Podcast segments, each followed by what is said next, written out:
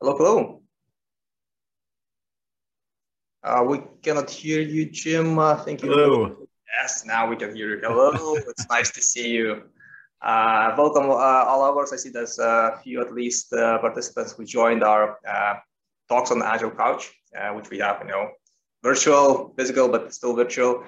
Uh, so if you have any questions, just use, you know, uh, who, uh, the QA poll or the chat poll. I will be able to read those. Uh, but uh, yeah, that, that's actually maybe I will begin from from one which I had a question. I, I saw that there's a there was a question uh, in your session um, from a person. He asked a lot of developer, developers' main problem with agile way of working is that there is not enough time spent thinking on longevity of the code. It usually ends in a mess in a couple of years of sprints. What do you think the reason of that?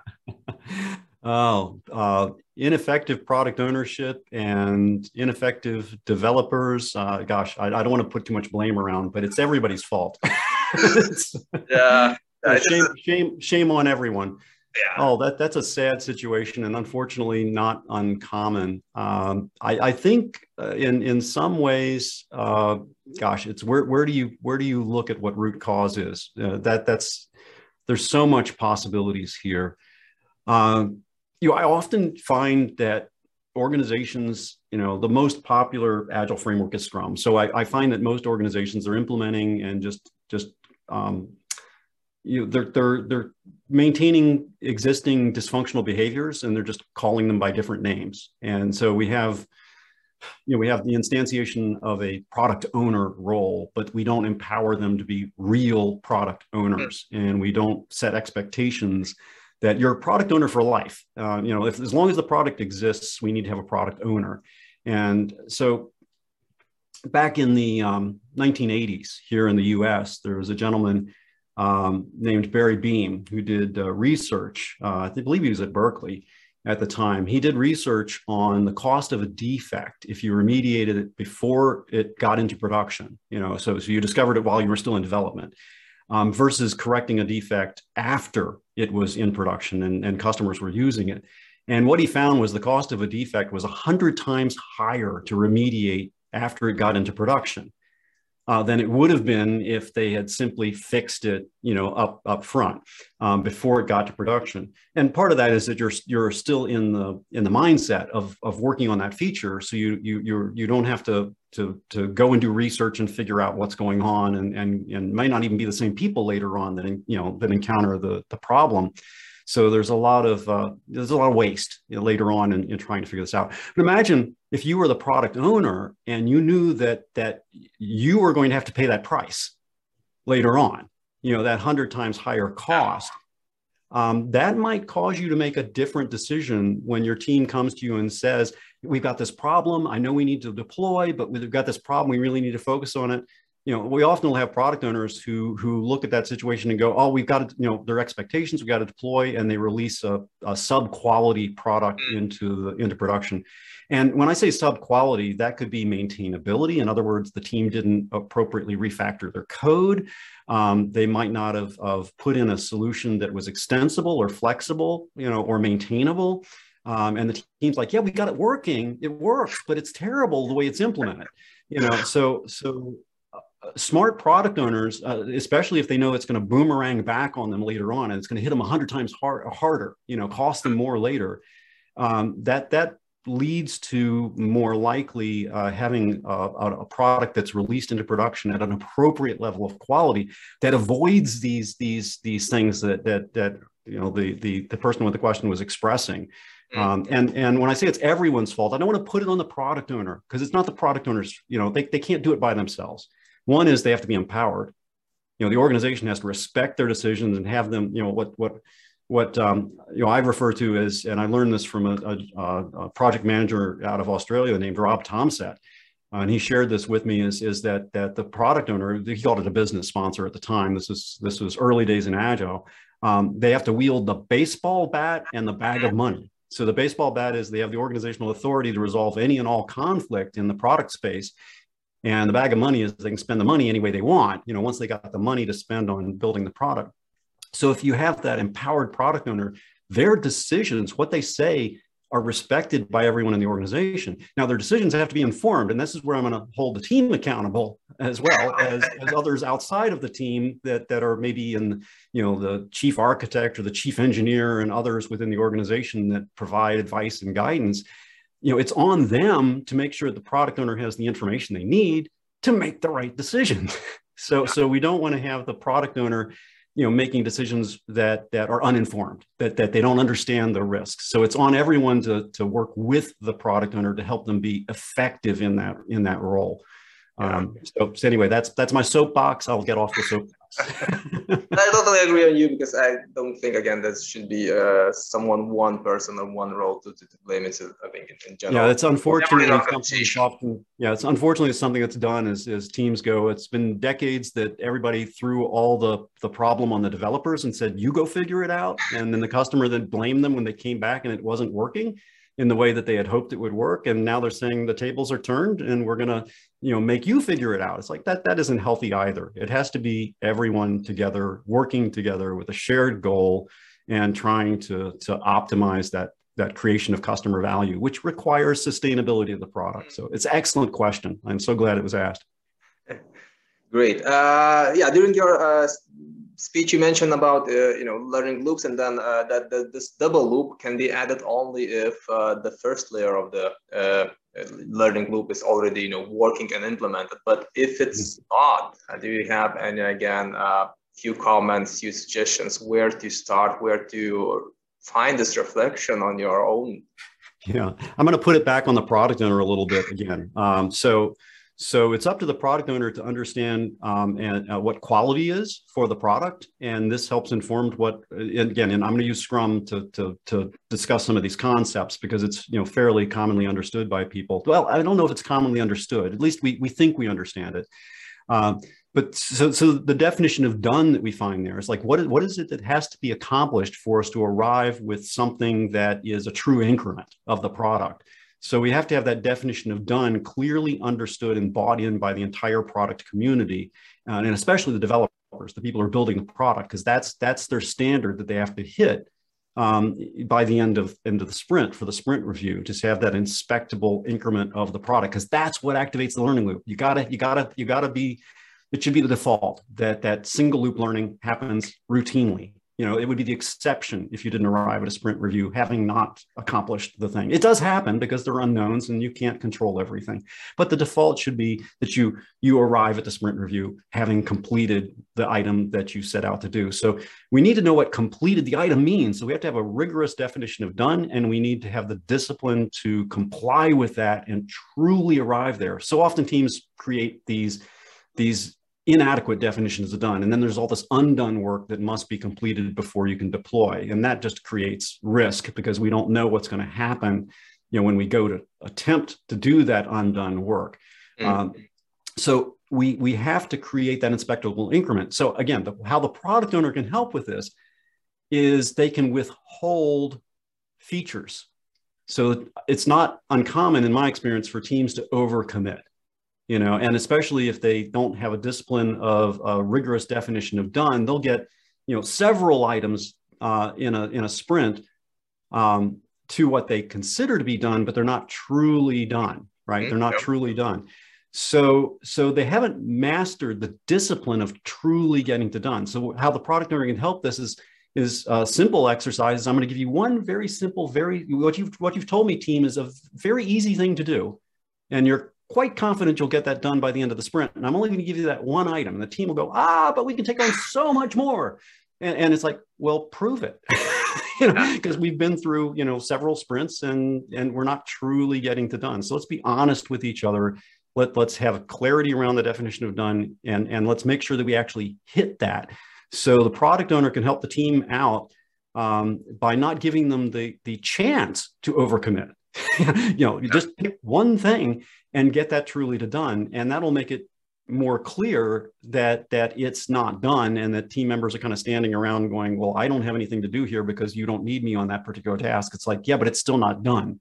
Mm-hmm. It's we, we, we need to work to figure out how to get it done. So if it's not getting done, why not? You know, what's in its way? What, what's what's blocking it? And and if the team finishes that item and there's still more time in the sprint, there's no reason why they can't go, you know, and ask their product owner, "Hey, do you have anything else? You know, mm-hmm. we got this thing done." And and but I would caution the product owner to at that point say, "Okay, prove it. You know, let let's sit down and and look at it together and, and make sure that we are being honest with each other that that this is truly done." So I would suggest do less, do less in order to make it more possible. And then once you've mastered that single learning loop and you are confident that you can arrive uh, successfully at the end of your sprint or your iteration, having having met that standard, now we have that inspectable increment, and and having you know a single inspectable increment is is infinitely better than having no inspectable increments. And when I say an increment, I mean truly the increment is the thing that works. You know, so often we arrive at the sprint review and we have something that's like, well, we worked really hard in this sprint, you know, and and uh, I want I want to recognize these team members that stayed late and over the weekend and how hard. What are we not hearing about? We're not hearing about the product you know, feature that was was was intended to be here that we could look and see. All we're hearing about is all the hard work. You know, frankly, you know, this is cynical, Jim. Your stakeholders, your product stakeholders, don't care how hard your team works. what they care about is, do I have something that will work for me? Um, and that is is the reward for a, for a developer. I mean, I was in the trenches as a developer. Nothing made me more proud than to see a customer take the, the, the output of my work and tell me, I hate this. This is terrible because I knew they cared. you know, it was like, you know, it wasn't that I, that I had to be successful uh, in hitting the mark every time, the target of exactly what was perfect for them what I really uh, desired was was a customer who cared. And if they mm. told me what they didn't like about it, then I could take that information and do a better job to create something that would be a better fit. But the, what was never in doubt was the ability to give them something to react to. That was that was the critical thing. Nice. Uh, and then, uh, well, let's say we already had this uh, first loop of, of learning, which we see that it's working, We're adding second loop of the learnings, then do you recommend to use that second loop of learning every review from that on? Oh, yes, it never ends. Yeah, the second loop is always, uh, you know, we, we, we create solutions for our customers in, in you know, appropriately in an agile space, they're unknowns and there's dynamics and there's change. So the thing that we created now, it's it's going to it's temporary. It's temporary. It's it's it's going to become obsolete. Something is going to happen at some point and it may be soon it might be later. Something will happen that will make that no longer the best fit for the customer need. And um, so so we have to this is one of the reasons why in scrum we have a product owner and the product owner is for the life of the product and hopefully the product never dies because if if, if we have a product owner who's paying attention we can pivot right? We can pivot to completely new technology. We can pivot to a completely new um, uh, form factor or, or, or, or, approach to, to being the thing that fits into the fabric of the customer's job to be done. In fact, more advanced product owners will become consultative to the customer and might actually uh, change other aspects of the customer's job to be done that are not what the product originally did in that workflow. It, it could be something that dynamically changes the entire way that the customer thinks about and, pro- and approaches their job to be done. So the nature of the product is this, it's this thing that can morph and change based upon our, our discoveries, what emerges as we go and what the possibilities are. And that's what enables organizations to become the preferred source for what that customer you know, seeks in helping them accomplish that job to be done. That's what gives the competitive advantage. Mm. Is it's a value add. It's not. It's you're you're no longer just delivering a widget or a paper cup or you know to the customer. You've innovated and you are now you are now being more consultative in helping them you know achieve success in addressing what whatever their need might be. And again, that need that need evolves and changes through time. So having having a product owner who can own that and pay attention to that and and enable this discovery, it all comes from ultimately the the customer at the center. Mm. And uh, yeah, we have only a few more minutes, so maybe the last question because I don't see any uh, questions for the audience. Uh, I saw and there, there was a question straight away, you know, oh, uh, will you share the slides? And then you showed, you know, this our I have uh, no slides. approach. yes, and that's what I wanted to ask. Like, uh, well, I only maybe know the, the answer from your side, but do you see uh, the, the, the, benefits and then maybe downsides from the, you know, this old slide approach when you're showing the PDFs or whatever, and then this visual part where you, you know, drawing, showing, uh, yeah, and well, engaging the customer uh, or the, you know, the, the, the, the people so I always I always share the drawings to anybody who who wishes to have them, and and uh, absolutely feel free to use those things. So I, will work with you and figure out how we can make these available to the attendees. Um, you know, at a minimum, they they can contact me directly, and I'll be more than happy to send them a PDF of the two two uh, drawings that I did today. Um, why do I draw? Um, I find people's eyes they kind of roll back in their heads, and they they they they they're no longer present when they look at a slide because slides are cold. And when I draw, um, that that's kind of slow emergence of what it is that's appearing. Uh, people are paying attention to it. It it, uh, there, it creates some curiosity.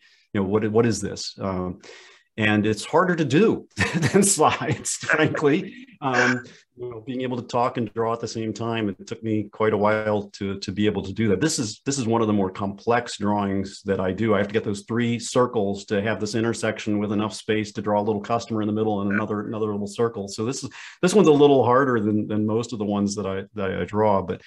I, I, I encourage teams uh, to to use these lower tech communications approaches um, you know with any any type of engagement. Um, you know when you sit down with leaders and you show them a, a, a beautiful chart that was created by some drawing program or an output from excel or or or one of the automated tools i don't want to mention any names right here uh, but but uh, you know people look at those things and i'm not sure that they're they're really paying that much attention to them. They're hmm. cold, and you know. Whereas you you hand draw, for example, a burn chart. You know, if you yeah. hand draw a burn up chart, people are like, "Ooh, what's that telling me?"